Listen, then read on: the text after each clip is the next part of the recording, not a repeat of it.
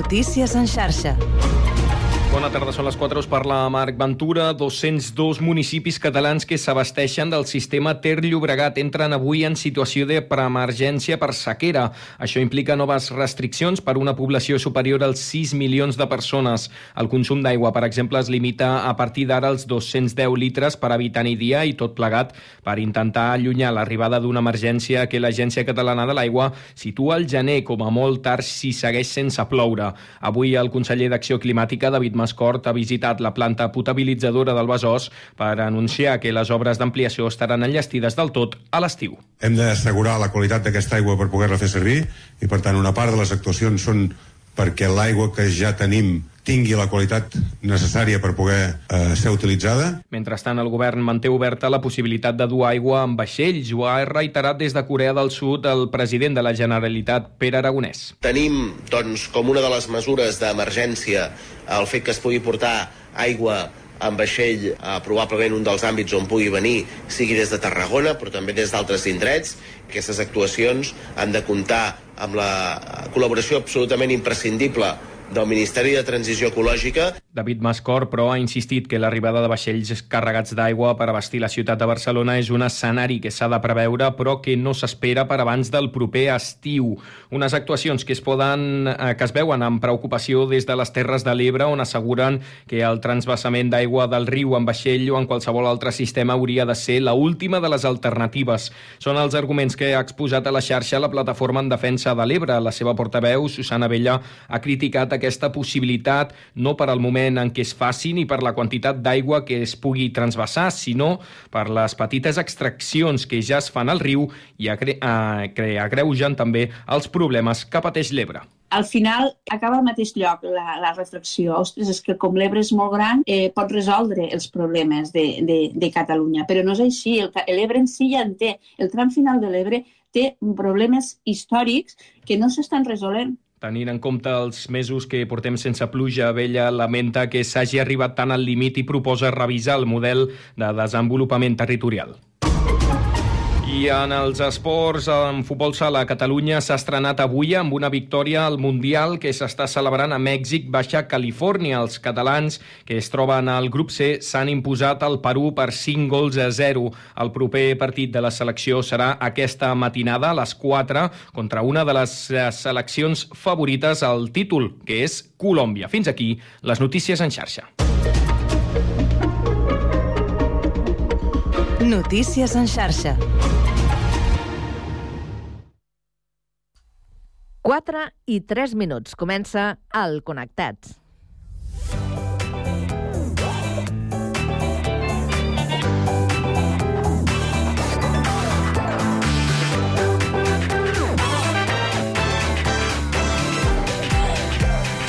Connectats amb Carme Reversa.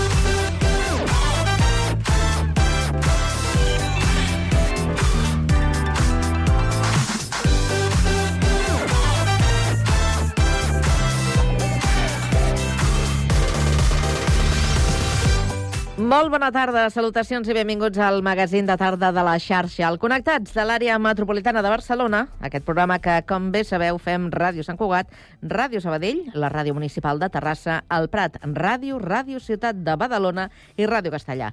Una salutació de tot l'equip conduït a la part tècnica per Pablo Palenzuela i de qui us parla, Carme Reverte. Avui és dimecres 29 de novembre i volem saber quin temps ens espera aquesta tarda. Lluís Mi Pérez. Que ara tenim força núvols a cavall de les comarques de Barcelona i de Girona. Aquests núvols que han anat deixant aquests plogims, aquestes roines, aquestes pluges febles, però que tenen tendència a anar-se trencant, ja sobretot avançada aquesta tarda.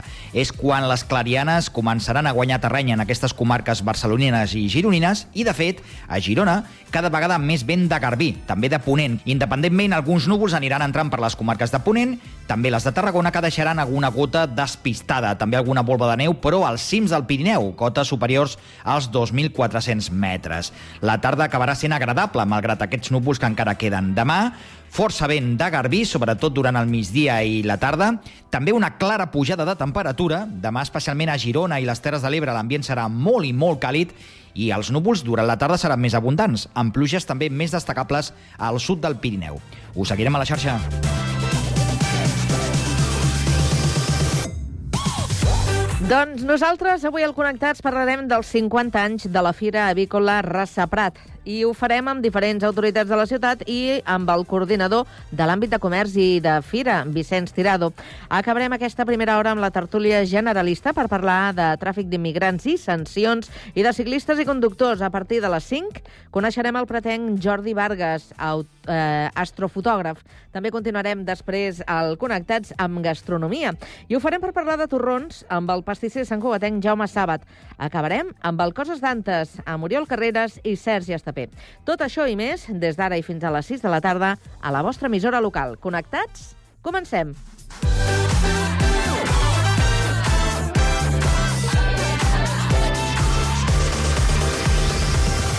A la tarda, no et desconnectis. A la teva ràdio local, connectats. Can't touch this. Can't touch this.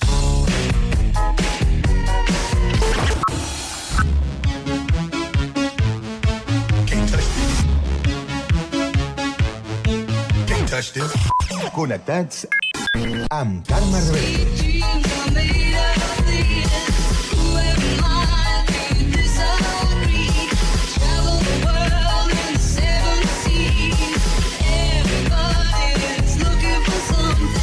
Connectats. Una experiència radiofònica a Sabadell, Terrassa, Sant Cugat, El Prat, Castellà i Badalona.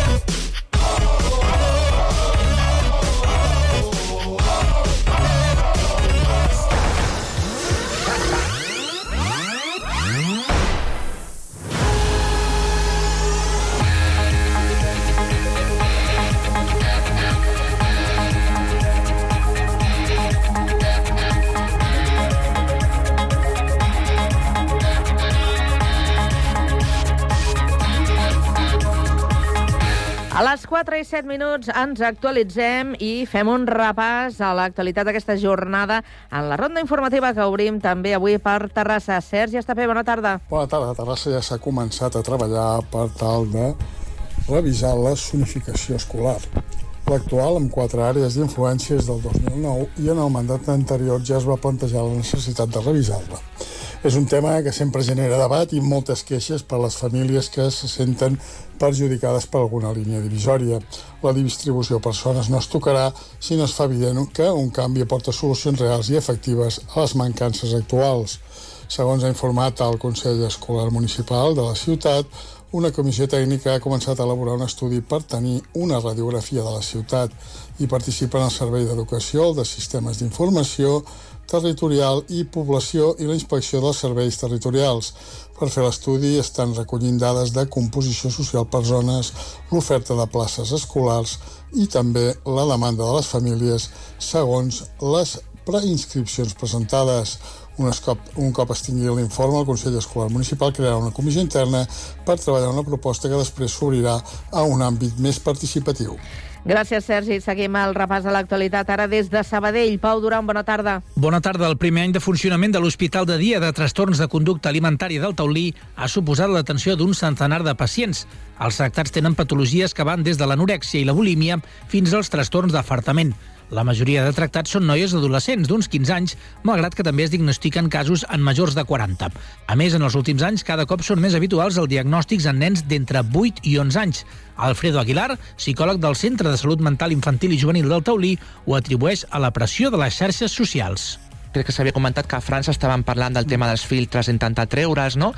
I clar, entre això, entre que la pressió, encara que intentem conscienciar dels trastorns alimentaris, però la pressió en, encara està, no? I si mires qualsevol xarxa social, comentaris, trobes coses terribles, no? Contra, contra les persones amb sobrepès, contra les persones que estan normals però diuen que tenen sobrepès, i tota aquesta part, diguem-li, ambiental, eh, sí. jo crec que encara que ens sembla que no, està allà, no?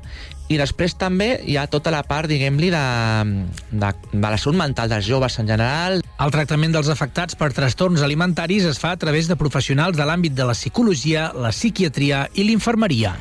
Gràcies, Pau. I ara anem fins al litoral, a Badalona. Andrea Romera, bona tarda. Bona tarda, Carme. L'ampliació de l'estació de tractament d'aigües potables del Besòs acabarà la primera fase de les obres aquest mes i finalitzarà per complet a l'estiu de 2024. Ho ha anunciat en una visita a la planta el conseller d'Acció Climàtica, David Mascort, acompanyat del president d'Aigües de Barcelona i del director de l'Agència Catalana de l'Aigua. Els calendaris de les obres s'han hagut d'endarrerir a causa de coincidir amb el soterrament de l'AVE, que té les vies a tocar de la planta potabilitzadora del Besòs. Aquests treballs d'ampliació de l'etap del Besòs s'inclouen dins les actuacions que la Generalitat està duent a terme per tal de fer front l'actual situació de sequera. Això ho explicava la seva visita al conseller d'Acció Climàtica, David Mascort. Tot el conjunt d'actuacions, ara estem acabant la primera fase i a l'estiu estarà tot acabat. Amb les condicions actuals de tan poca aigua en els embassaments, en els rius, eh, hem d'assegurar la qualitat d'aquesta aigua per poder-la fer servir i, per tant, una part de les actuacions són perquè l'aigua que ja tenim tingui la qualitat necessària per poder eh, ser utilitzada. Així doncs, l'estació de tractament d'aigües potables del Besòs, amb aquesta primera fase gairebé enllestida, ha aconseguit augmentar la seva producció d'aigua de 100 a 300 litres per segon. Segons el director de l'Agència Catalana de l'Aigua, Samuel Reyes, la previsió és que n'arribi a 900 un cop finalitzi l'obra a l'estiu. Gràcies, Andrea. Seguim encara al litoral, ara una mica més al sud, al Prat de Llobregat. Víctor Asensio, bona tarda. Bona tarda. L'entitat ecologista de Pana vol que l'autoritat portuària de Barcelona faci marxa enrere en la licitació de les obres de la terminal Nou Llobregat que han d'unir aquesta infraestructura amb la resta de la xarxa ferroviària del país. L'entitat ambientalista ha presentat un recurs de reposició previ al contenciós administratiu, adduint que les obres no es poden executar sense tenir en compte la zona d'especial protecció de les aus, la ZEPA, que ha d'aprovar la Generalitat de Catalunya per donar resposta als requeriments europeus de més protecció del Delta. Segons el vicepresident de Depana, José García, davant l'endarreriment del govern català per presentar la ZEPA, el port hauria decidit iniciar la licitació de les obres i fer després l'avaluació ambiental a què està obligat el projecte, una decisió que hauria pres després de consultar-ho amb la Direcció General de Polítiques Ambientals i Medi Natural de la Generalitat de Catalunya. De Pana veu il·legalitat en aquesta forma d'actuar. El seu vicepresident ha assegurat que el port ha actuat fins ara amb més responsabilitat que altres administracions com l'aeroport i per això demanen que es replantegin aquesta licitació abans d'entrar en un contenciós jurídic. Garcia també ha recordat que l'autoritat portuària de Barcelona compta amb fons europeus per l'execució de projectes ferroviaris, però avança que si el port tira pel dret sense una avaluació ambiental adient, recorreran a la Unió Europea perquè aturi aquests diners. Gràcies, Víctor. I de retorn al Vallès, ara ens quedem a Castellà. Guillem Plans, bona tarda. Bona tarda. L'Ajuntament de Castellà ha confirmat que està negociant una possible compra de l'edifici de Calcorina. Segons fonts municipals, el consistori està interessat en aquesta adquisició patrimonial, però la compra encara no s'ha tancat definitivament. La notícia ha transcendit arran d'un comunicat fet per la pròpia entitat Calgorina, una associació que havia llogat durant 10 anys aquest espai ubicat al carrer Centre per diverses activitats i valora positivament la compra per part de l'Ajuntament. Gràcies, Guillem. Des de Sant Cugat us expliquem que l'estació de les Planes dels ferrocarrils de la Generalitat de Catalunya llueix amb un nou aspecte. L'edifici ha recuperat el seu aspecte original en un procés de restauració que s'ha allargat 9 mesos. Anna González. Principalment, l'estació construïda el 1916 torna a la seva volumetria original sense la gran marquesina que s'havia incorporat poc després de la seva inauguració. A la mateixa línia s'han recuperat els colors, la fusteria i s'han retirat del vestíbul tots els elements afegits amb el pas del temps. El president de Ferrocarrils de la Generalitat de Catalunya, Toni Sagarrà, ha destacat la importància del patrimoni per a la companyia. Ferrocarrils sempre té una cura i un especial interès en la preservació del seu patrimoni. Uh, aquí ja ens ho explica, vull dir, hi ha una trentena d'estacions en tots aquests ferrocarrils que són estacions històriques i que val molt la pena conservar o recuperar quan és possible.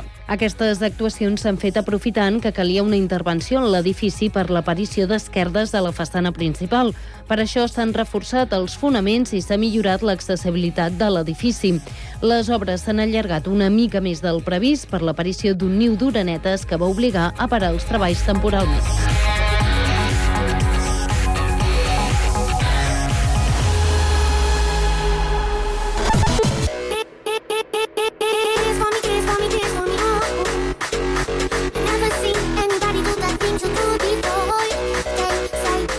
Connectats, una experiència radiofònica a Sabadell, Terrassa, Sant Cugat, El Prat, Castellà i Badalona.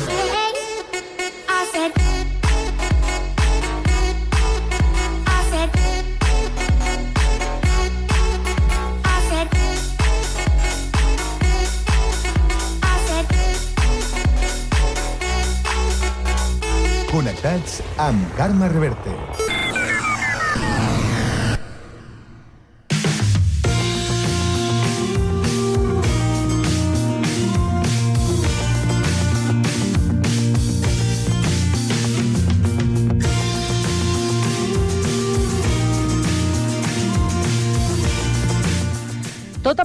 La celebració de la 50a edició de la Fira Avícola Rassa Prat.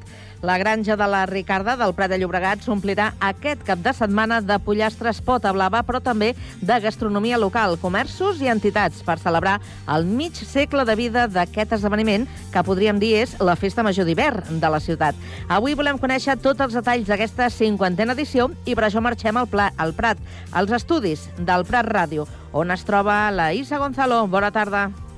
Bona tarda. Doncs sí, nosaltres ja estem fent el compte enrere perquè és un moment molt esperat pels pretencs i les pretenques, però també per moltes persones que venen de fora del municipi i no es volen perdre aquesta cita que ens recorda el passat i el present agrícola del Prat. Per explicar-nos què ens espera aquest 1, 2 i 3 de desembre, ens acompanyen Juan Carlos Moreno, tinent d'Alcaldia de Desenvolupament Econòmic de l'Ajuntament, Joaquim Bartolomé, regidor d'Agricultura i Ramaderia i Promoció de la ciutat, i Vicenç Tirado, coordinador de l'àmbit de comerç i de fira. Bona tarda a tots tres. En primer lloc parlem de l'estructura, perquè és veritat que aquesta cita és especial, cinquantena edició, quan es va fer la primera fira i una mica com ha estat aquest recorregut també històric, perquè ha canviat d'emplaçament moltes vegades i ha anat creixent fins a consolidar-se en el que veurem no, aquest cap de setmana. Clar, els que, els que hem viscut la fira de l'Avinguda Montserrat, no?, i de los autos de choque, doncs eh, sense voler és la, això és de la nostàlgia, no? No deixa de ser de que aquest any eh, ve, veurem coses molt interessants històriques de, de la nostra ciutat i veurem aquest valor eh, positiu de lo que ha representat aquesta fira que ara ha canviat molt tot el, el que representa la part de, de econòmica, eh, d'empresa i de comerç, però també el de l'agricultura i, en aquest cas, la gastronomia. El que, la volta que li han pogut donar, tot el que ha passat amb aquests 50 anys, eh, com podem recordar, la fira de, de l'Avinguda Montserrat, a on, de, quasi ve de, des de Jaume Casanovas fins a Marina, tot tenen cotxes dins el, el, el centre de l'Avinguda la, de Montserrat. No? Això, I, això quan feien les, exposi les, les exposicions les, cada... Eh, la fira multisectorial, no? incorporada al sector d'automoció, hi havia algunes, alguns eh, concessionaris de cotxes nous i també de segona mà. I de segona mà. Llavors, clar, el que era el factor aquest del pollastre era, era l'atractiu, no? Vull dir, per això nosaltres suposo que eh, tots els que venim d'aquella època, el pollastre la, la, te l'has fet teu el que no ens podíem imaginar en aquell temps és que el pollastre pogués aglutinar una fira com la que estem fent ara mateix a la zona de la Ricarda i que la Ricarda, a més, ens ha donat aquest emplaçament d'amplitud i, de, i, de, i, de, i de benvinguda a, a qui vingui perquè valora la fira i, i valora l'emplaçament. Mm -hmm.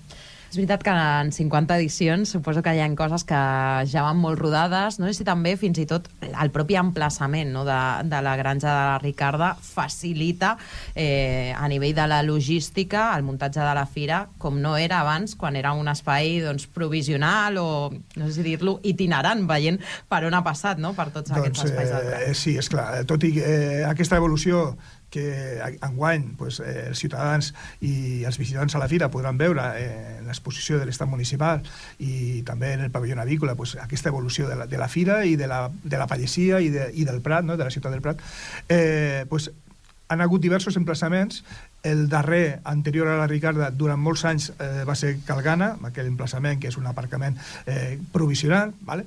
I, eh, i allà hem estat eh, més de 10 anys.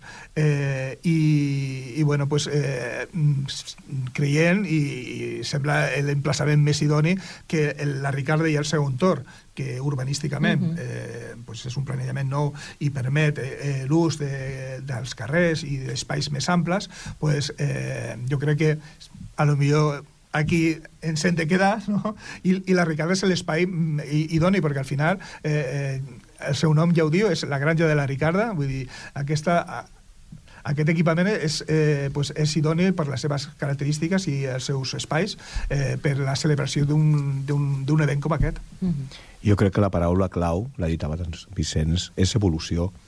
Portem 50 anys i aquesta fira va néixer com totes i com tot, una, molt modestament, era molt modesta, però ha anat evolucionant. I ha anat evolucionant i s'ha convertit en el que és ara. I el que és ara és una fira que no té res a envidiar a qualsevol fira que es faci a, qual, a qualsevol lloc. Per això la, aquesta evolució també ha anat lligada també amb l'espai, i jo crec que la Ricarda és l'espai adequat com a regidor de promoció de la ciutat, el fet d'haver estat escenari també al propi espai d'un videoclip a nivell mundial entre dues divas eh, com són la Bjork i la Rosalia també posicionen no? una miqueta a l'entorn i qui més qui menys entrarà amb aquesta gràcia de, de trobar aquest espai on hem vist la lluita entre Bjork i Rosalia. Eh, la, la veritat és que eh, per mi, veus, impensable. Has vist coses, no? Vull dir, hi, hi, ha, hi, ha, hi ha moltes peticions de la Ricarda. Allò de que quan parlem de que el Prat es converteix ja en, en plató de cinema, no? Que, que cada vegada hi ha demanda més espais, doncs de cop ens han posat la Ricarda al centre del món perquè no deixa de ser, no? S'ha sí, sí. interpretat d'una manera, jo, el dia següent, quan, quan ens diuen no? que, que ve la TV3, que ve Telecinco, que ve... De... I, i, i, i vas a aquell espai, no? I a més quan expliques pues, tot, el, tot, el, tot el que envolta i la història, i veus que la Ricarda, pues, a partir d'ara, pot ser també mm, alguna, més que un emplaçament, no? Això ho hem de definir bé, s'ha d'estudiar molt bé, i és el que estem fent ara. Doncs eh, tornem a la fira pròpiament. Eh, Juan Carlos, eh, una de les reivindicacions també del teixit eh, comercial de la ciutat és eh, doncs, que aquesta fira també pugui ser una oportunitat per a aquestes mm. botigues, per eh, doncs, els petits eh, emprenedors i empresaris que, que tenen el seu negoci a la ciutat. Fins i tot s'ha comparat no, com amb d'altres espais més comercials, aquí heu parlat d'en altres ocasions, no, com si que era una mica doncs, eh, més en aquest sentit encara de la fira. Què és el que ens trobarem aquest any pel que fa doncs, a aquest motor econòmic de, de la ciutat? Quins espais tindran? Bueno, parlem del pavelló, del pavelló del Prat Economia, no? I aquest pavelló, només, només a entrar trobareu el que és el passeig del comerç. El passeig del comerç hi ha una representació de gairebé 20 comerços locals diversos i per poder mostrar no, el, el, seu, el seu comerç i què fem, és, un, és una mostra de, del comerç local. I després anirem a l'àrea de desenvolupament econòmic, on parlarem, on estarà el món de l'empresa, de l'emprenedoria local i de l'empresa local. Eh, dins d'aquest àrea, el que farem, i que jo vull posar en valor, perquè és una, és una xarra que farem eh, i que parlarem de les vocacions industrials i estem. Estem parlant de eh, de ciència, tecnologia, enginyeria i matemàtiques.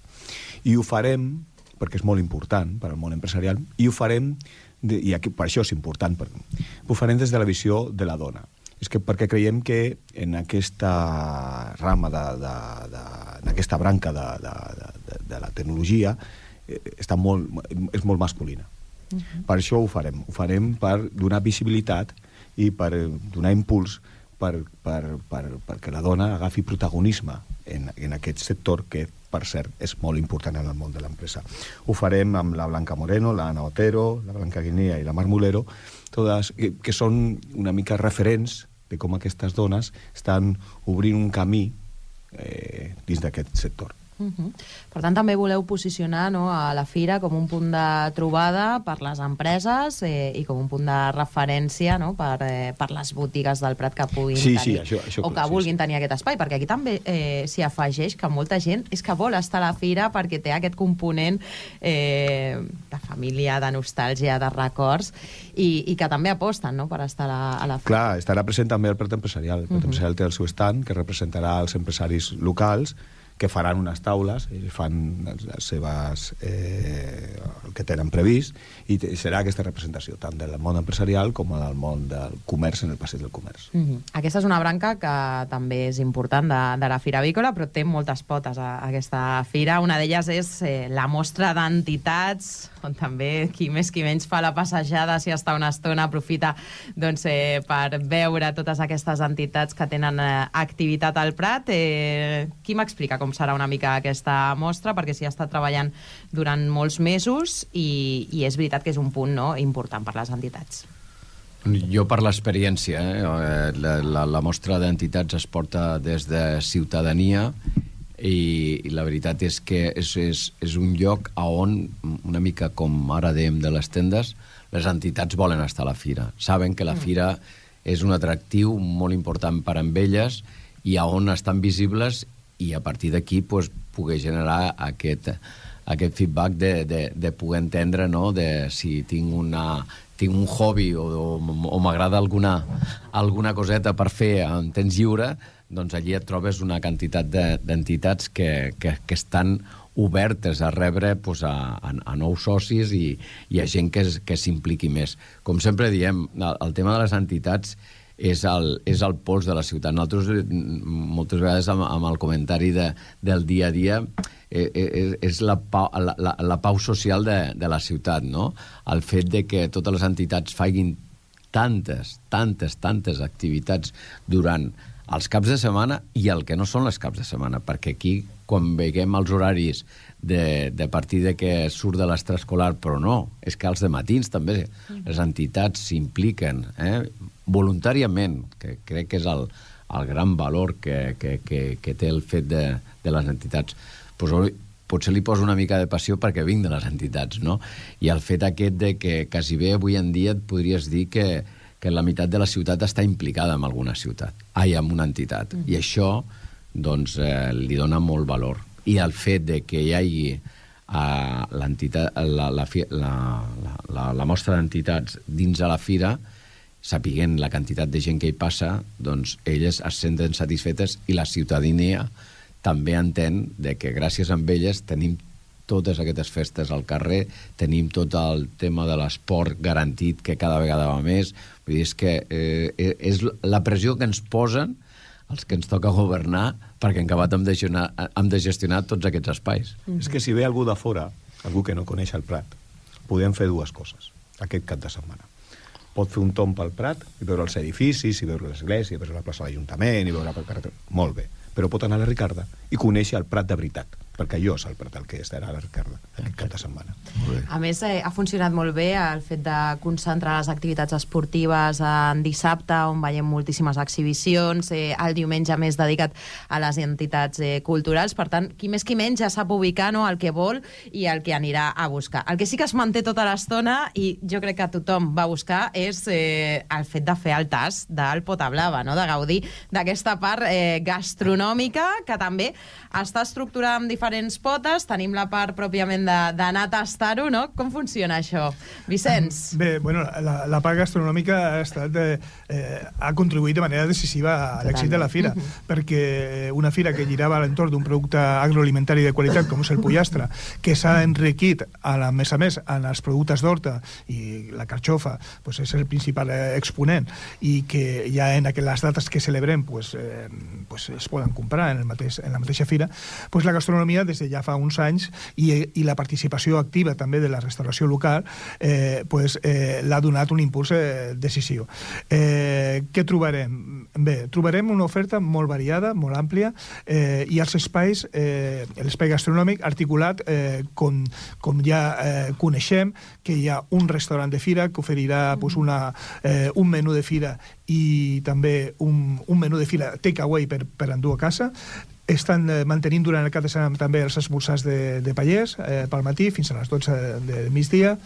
Eh, després tenim tota l'oferta a l'espai gastronòmic de la restauració local en platillos de pollastre i de carxofa, eh, una oferta molt àmplia també de paelles eh, per fer tastets, eh, paelles, eh, paelles de, de, amb producte de, del territori, producte en carxofa i en producte d'horta de, de, del Prat.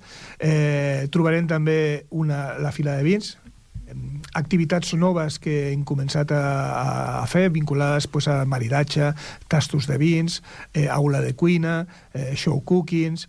Bueno, tenim realment un cap de setmana eh, intens i, i, per tant, tenim eh, eh, aquesta oferta superàmplia que, a més a més, és un atractiu de la fira i que eh, fa que en les enquestes que, eh, que passem, que a l'entorn del 20% dels visitants són visitants del nostre entorn metropolità, que famílies que venen de, de, de fora i que s'apropen al Prat pues, per conèixer el millor, conèixer el seu passat i la seva identitat eh, agrària i de més, i a més a més gaudir eh, en els productes eh, i l'oferta de, de la gastronomia. Clar que sí. Doncs eh, recordem les millors formes d'arribar a la granja de la Ricarda, si sou del Prat, eh, és caminant o en bicicleta. Hi haurà l'aparcament també que ens ofereixen des de Rubricato. Recordeu que s'ha incorporat l'Ambici per si sou usuàries també que pugueu deixar una parada molt propera a la granja de la Ricarda. Estan els Bicibox. També teniu la parada de metro del Centri que, que està doncs, molt propera a aquest emplaçament. Intenteu evitar el cotxe perquè les places d'aparcament de, de cotxes són limitades. Sí.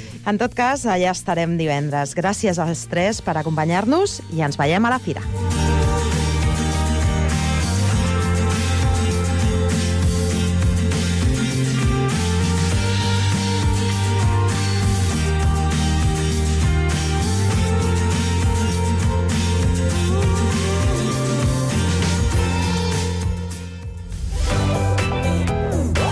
Connectats una experiència radiofònica a Sabadell. Ràdio Sabadell, 94.6. Terrassa. Ràdio Municipal de Terrassa, 95.2. Sant Cugat. Ràdio Sant Cugat, 91.5. El Prat. El Prat Ràdio, 91.6. Castellà. Ràdio Castellà, 90.1. I Badalona. Ràdio Ciutat de Badalona, 94.4. Cada tarda de 4 a 6, connectats.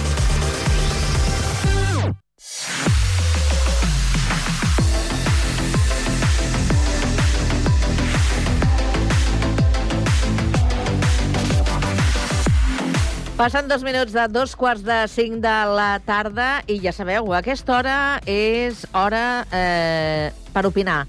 És l'espai de la tertúlia. Avui el compartim amb l'Emili Miquel, que és eh, exdirector de Correus. Emili, el tenim al Prat. Què tal, Emili? Sí, eh, doncs molt bé, una mica constipat, però ja és l'època de l'any, no? Oh, i tant. Sí, sí, es nota la baixada de temperatures, aquests canvis, Clar. sobretot els dies que hi ha sol i, i ens hem d'acostumar a aquestes diferències tèrmiques. I què et anava a dir? El Prat està plovisquejat avui? Quin temps teniu avui? Doncs està, està nuvolat, el cel eh, gris, un dia d'aquests eh, típics de tardor, però que jo sàpiga no, no ha plovisquejat. Que no? jo sàpiga. Potser, que, potser en algun moment però jo m'he passejat avui aquest matí, he anat una mica amunt i avall i no m'ha no no mm. ensapagat la pluja. Bé, de fet, aquí ara no, no plovisqueja. Aquest matí sí que han caigut, com diem, quatre, quatre gotes comptades. També han caigut a, a Terrassa. Anem a comprovar què ha passat a Castellà. Òscar Cardona, director de la carpeta de l'AVI. Com estàs? Bona tarda. Uh, bona tarda. Què tal? Aquí sí que ha plogut una miqueta aquest matí. Sí. Ha sortit tímidament el sol a començament de la tarda, però ara es torna a estar així allò rúfol. Rúfol, molt bé. Sí, sí. Doncs eh, sembla que és la tònica dominant, però anem a comprovar i així donem més fe d'aquesta situació. Toni Fernández, tècnic de gestió cooperativa i empreses d'economia social. El tenim a Badalona. Toni, bona tarda.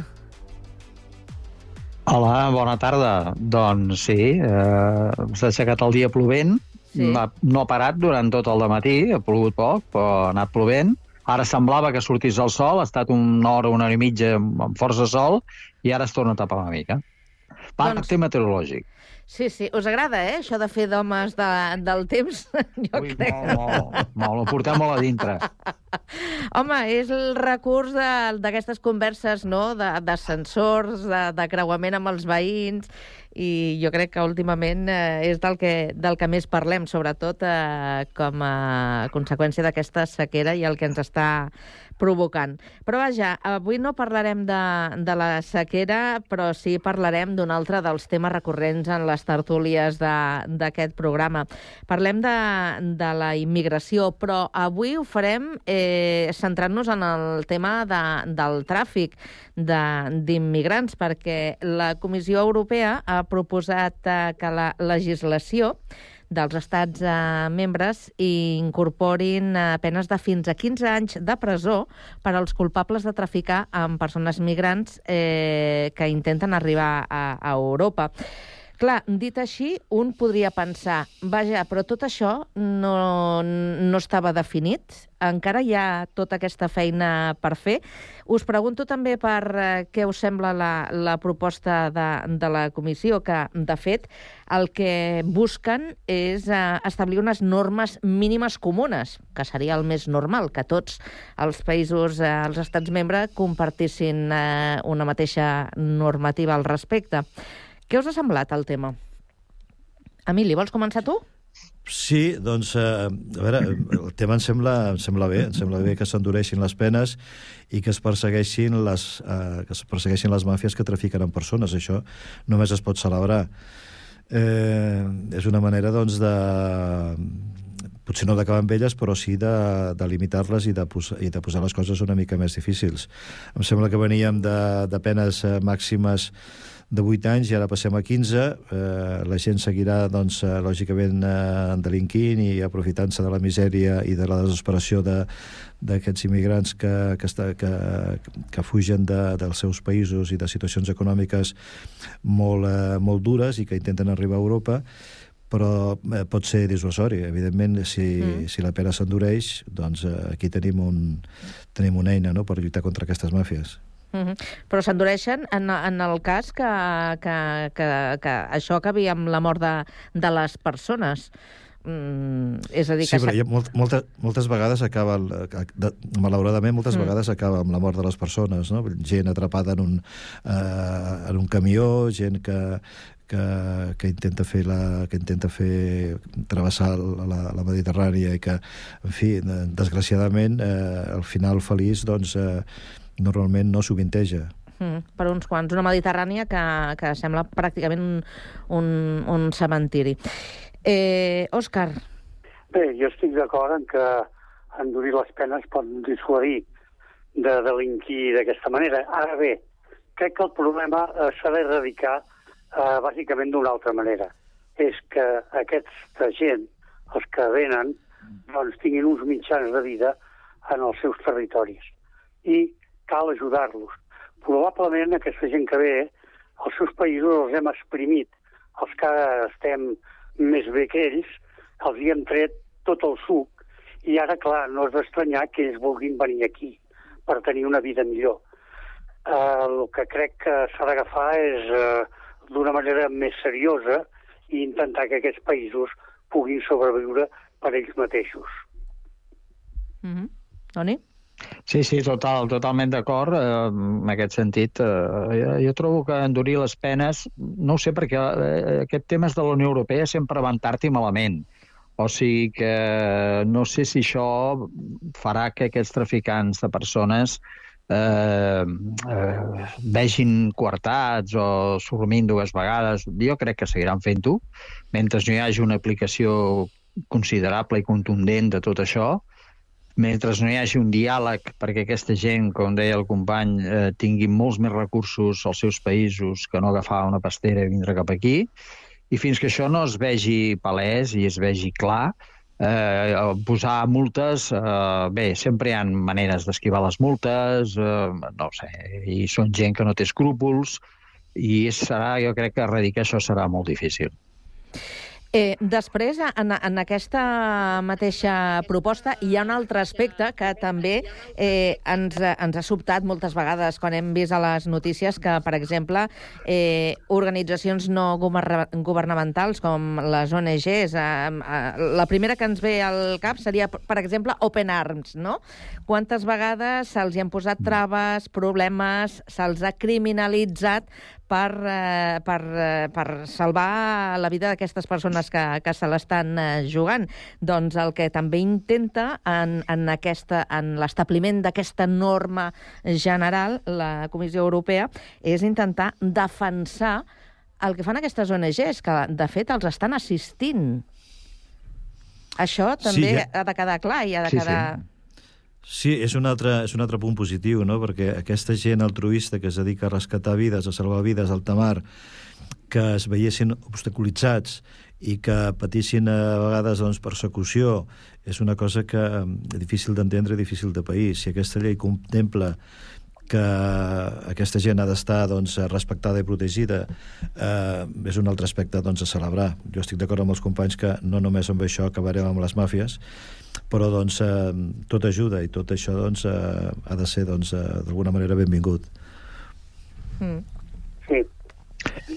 Bé, Oscar. jo crec que, que forma part de la hipocresia doncs, de, dels governants dels, est dels estats, que per una banda intenten fer veure que són molt demòcrates i per l'altra banda no tenen manies en deixar que es mori gent doncs, travessant el Mediterrani, per exemple, entre altres coses.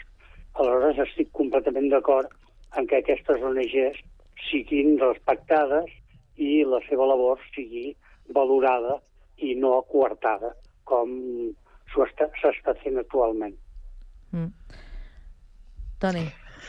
Sí, sí, eh, jo trobo que, o sigui, evidentment, entitats com Open Arms, que la tenim propera, perquè aquí a Badalona som pràcticament veïns amb, amb els carcams, mm. eh, està treballant d'això de fa molts i molts i molts anys, però a vegades ell, ell mateix diu jo seré feliç el dia que jo no hagi d'actuar perquè serà senyal de que tot estarà arreglat, que no hi haurà problemes i que no caldrà que llenci cap vaixell cap a alta mar, perquè ja se n'han cuidat qui se n'han cuidar.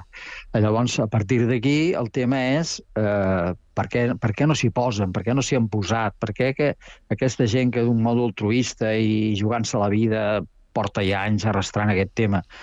I aquí, pues, bueno, a tothom li va bé i sí, fem normatives, posarem multes i tot això, però el que dèiem abans, eh, espero, espero que algun dia, i, i jo sóc bastant escèptic amb això, eh? sempre hi ha mesures pal·liatives com aquesta, però eh, és una cosa molt sèria i sembla que, que tots els estats europeus amb aquest tema pff, diguin, bueno, anem, anem deixant fer, algun dia ho arreglarem, i i em dóna aquesta impressió. Però d'aquestes eh, ONGs el que estan fent és suplir la, la, la falta d'acció de, de, de les autoritats dels països que, que, no, que no hi arriben o que, sí, sí. o que fan eh, cas omís al que, o que està... no volen. Clar, el que està passant. Sí, sí, sí. A, efectivament. Sí, sí, sí, sí. Per això, sí, sí, per, per això estan les, per això estan les eh, ONGs, no? per una mica doncs, organitzacions que surten de la societat civil i que supleixen la manca a vegades de, de, de decisió dels governs i de, i de falta doncs, a vegades d'empatia de, dels governs amb els, amb els problemes uh, humanitaris. En, en aquesta normativa conjunta que, que volen eh, intentar establir, eh, també es fa referència a reforçar els mitjans i els recursos eh, perquè les autoritats eh, dels països puguin combatre aquestes eh, màfies. Però ara mm, em venia al cap, per exemple, la situació eh, de, a les Illes Canàries els últims mesos. Quants milers de persones han arribat i com eh, es fa un, una illa eh, per gestionar tot allò? perquè és una tasca realment eh, complicada. O sigui, es troben amb, amb, amb, amb una gran quantitat de, de persones que necessiten ser assistides i fins bueno. a quin punt tenen la capacitat de fer-ho. Sí, sí, sí. Eh, Europa té un problema a la frontera sud, però també té un problema perquè des de fa pocs dies està succeint a la frontera nord. Tota la part de Finlàndia tocant amb la frontera amb, amb, amb Rússia, eh, hi ha un problema que han, han anat tancant passos fronterers, perquè també els hi entra gent per allà ja. i, i, i gent subsahariana. Vull dir que, que a, a veure, eh, o, o això ho, ho van arreglant, mm. que no direm tallant, o problema s'enquista ja des de dalt a baix, i això és molt complicat. I a vegades s'utilitza també com a arma política, no? perquè els eh, finesos es queixen de que els russos sí, estan sí. empenyent aquesta aquesta eh, migració no? per tal de castigar de castigar-los per, eh, per no eh, haver-los fet costat en, el, en, el, en la guerra contra Ucraïna haver estat crítics i, i estar del, del bàndol aliat, quan sempre s'havien mantingut eh, neutrals. Òscar, que volies apuntar alguna cosa? No, no, jo vull dir, uh, volia dir, uh, bé, ja ha passat una estona del que volia dir, però dic que bàsicament tot és una qüestió de recursos. O sigui, s'han de posar recursos per, per, pels immigrants que estan aquí, s'han de posar recursos perquè no tinguin la necessitat de venir, i tot és una qüestió, en el fons, d'un problema econòmic. I, clar, els que tenen diners, eh, evidentment, no els volen deixar de guanyar ni els volen posar en llocs que millor tenen també una difícil repercussió a la mateixa població que aquesta és una altra. Quan s'ajuda en un país d'aquests, eh, realment els ajuts arriben a on han d'arribar o es queden per camí, pel camí per unes eh, institucions corruptes moltes vegades. O sigui que és, és un problema realment molt difícil de solventar i que s'haurien de posar doncs, cartes en l'assumpte i no fer això de qui dies passa en empeny, com algun dels meus companys ens ha dit, no? Mira, deixem-ho anar, ja, ja, ja en parlarem un altre dia. I això crec que és el que passa i que és difícil, molt difícil de solventar. Mm.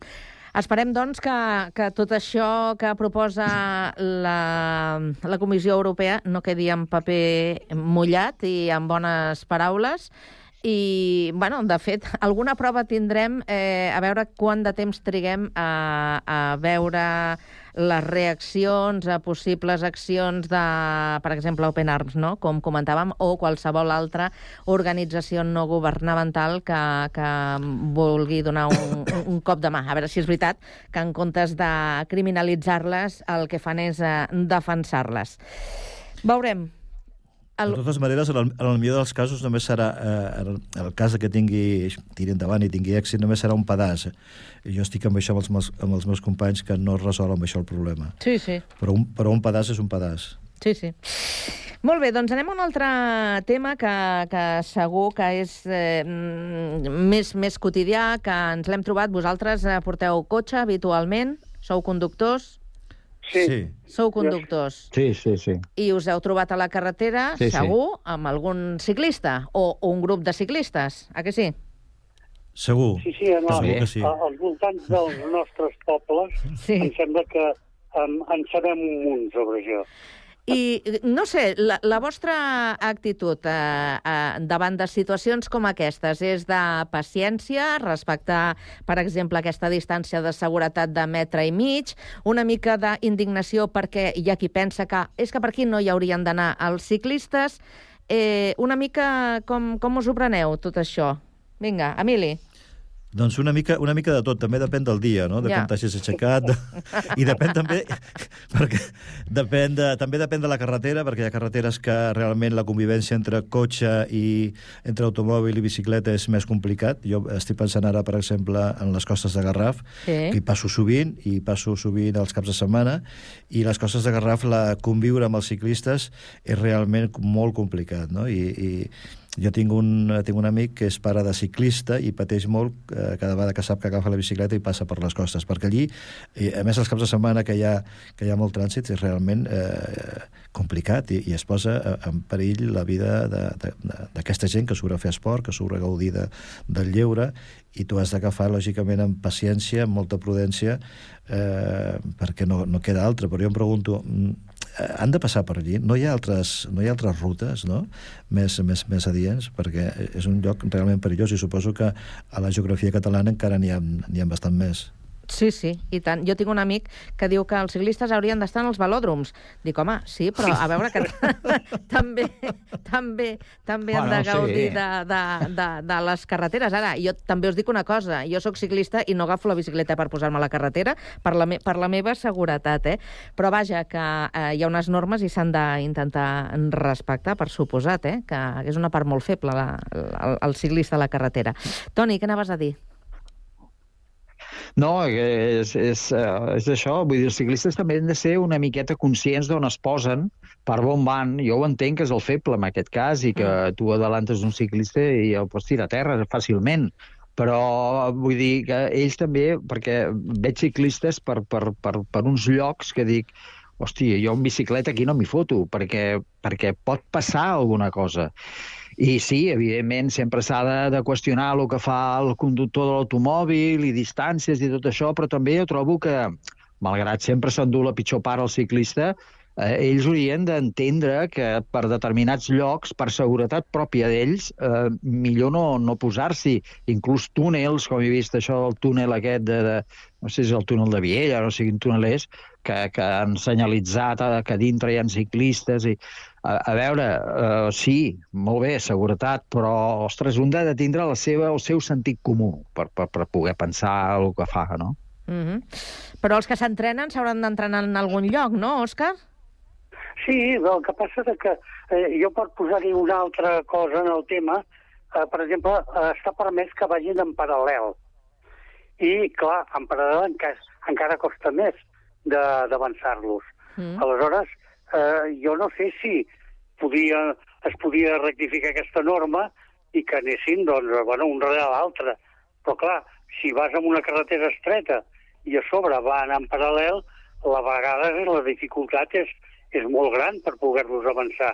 Eh, la veritat és que jo crec que tenen dret, lògicament, a, a anar en bicicleta. Jo també he anat molt temps en bicicleta.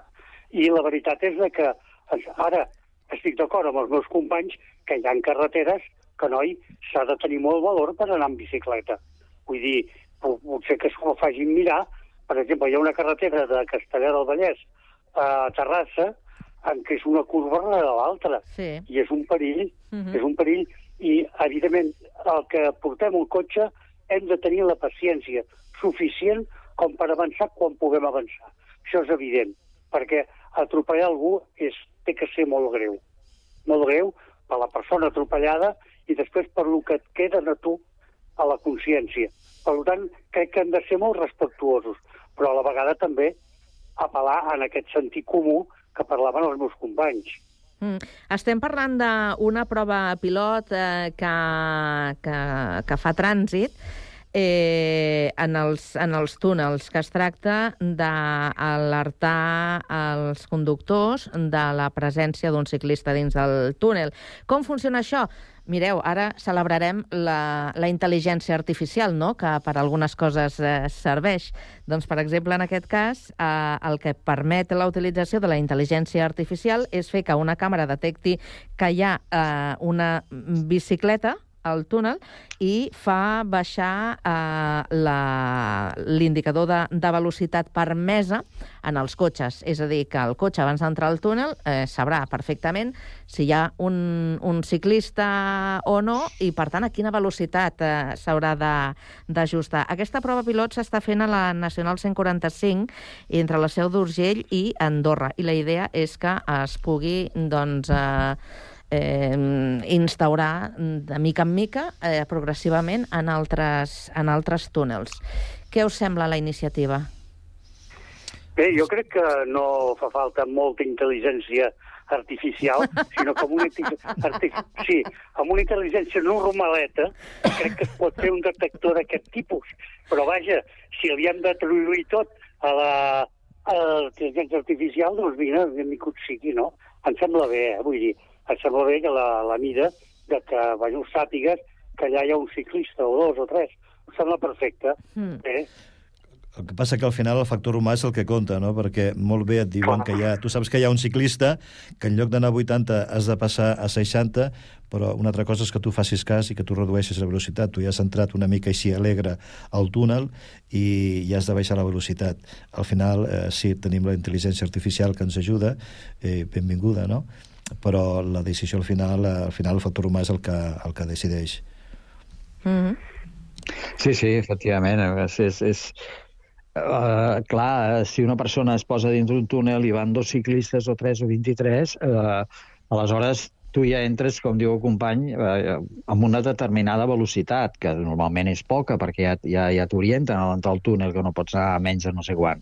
Ara, si a sobre tens que reduir-la per veure quants n'hi van, i ara a veure si aquí davant d'aquest n'hi han dos més, eh, també és, ostres, és el que dèiem abans, cadascú se sap, ha de saber on es posa, perquè a vegades es corre un risc innecessari, no? Mm. Eh, us he d'indicar que l'índex de sinistralitat, sinistralitat als últims eh, 15 anys és de 121 ciclistes eh, morts. I des de la Federació Catalana de Ciclisme, eh, que són eh, doncs, eh, molt estrictes amb, amb això, el que reclamen són penes màximes en casos de, de mort per, eh, per imprudència.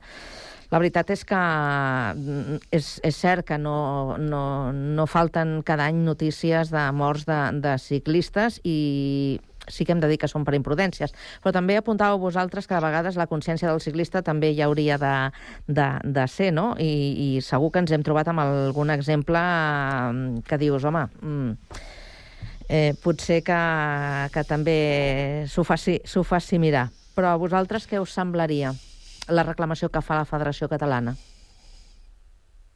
Eh, a mi semblaria, em sembla bé. Bé? Perdó, digues, digues. Òscar, deies que bé, no? Sí.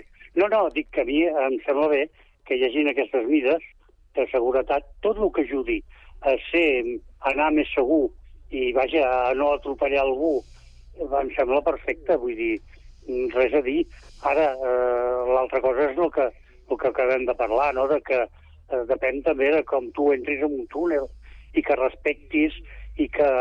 Però, vaja, quan un li posen una, una senyal de trànsit de, de, de determinats quilòmetres per hora, home, ja sap a què s'exposa. A que si no compleix li fotin una multa. Això és evident. Mm -hmm. Amel, Emili. Uh, a veure, el ciclista és el, és el dèbil, no? és la part, és la part uh, feble, però mm, Déu guarda a tocar un ciclista perquè se't cau el pèl, eh? Vull dir, has d'anar... Això és el que més... Jo quan, quan sí, em fico sí. a la carretera i sí, veig sí, ciclistes sí. penso, escolta, eh, molta prudència eh, respecte a la, la, la, normativa, la normativa, perquè mm, si toques un ciclista i el ciclista potser tampoc està eh, està s'està conduint correctament, potser és això, van en paral·lel i no van dos, sinó que van tres, mm. i potser un està avançant a l'altre, i potser eh, tampoc eh, vull dir, estan seguint un comportament, diguem, d'allò de lo més correcte, però si el toques i cau i, i per desgràcia doncs, té un accident greu es, o, o Déu no vulgui es mata, doncs, doncs... El, el, el conductor se li cau el pèl. Us he d'avançar, eh? Us avanço per l'esquerra, poso l'intermitent i ho deixarem aquí. Emili, Òscar, Toni, moltíssimes gràcies, que vagi molt bé la tarda. A tu, a vosaltres. Adéu-siau.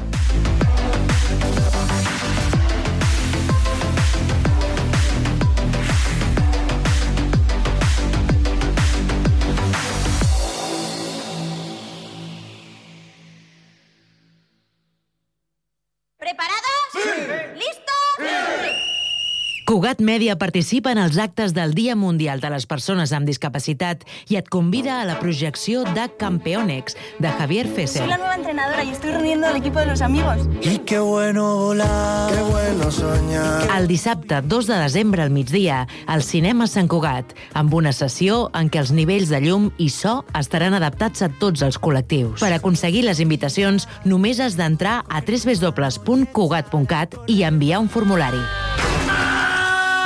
si voy a saber hacer esto, entrenadora. Cugat Media. Som especials, com tothom. A mi esto me parece un peligro.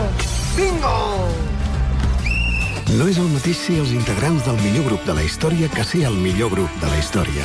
Per això, el grup català Occident serem Occident, perquè per continuar assegurant-ho tot, tot i tot, ens havíem d'ajuntar tots, tots i tots. Entra a seremoccident.cat. Bona tarda, són les 7. Més d'un centenar de tractors han mobilitzat bona part de la capital del Baix Ebre.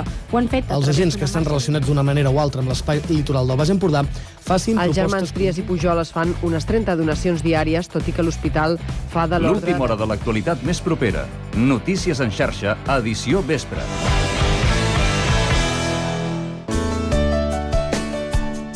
Ràdio Sant Cugat. www.cugat.cat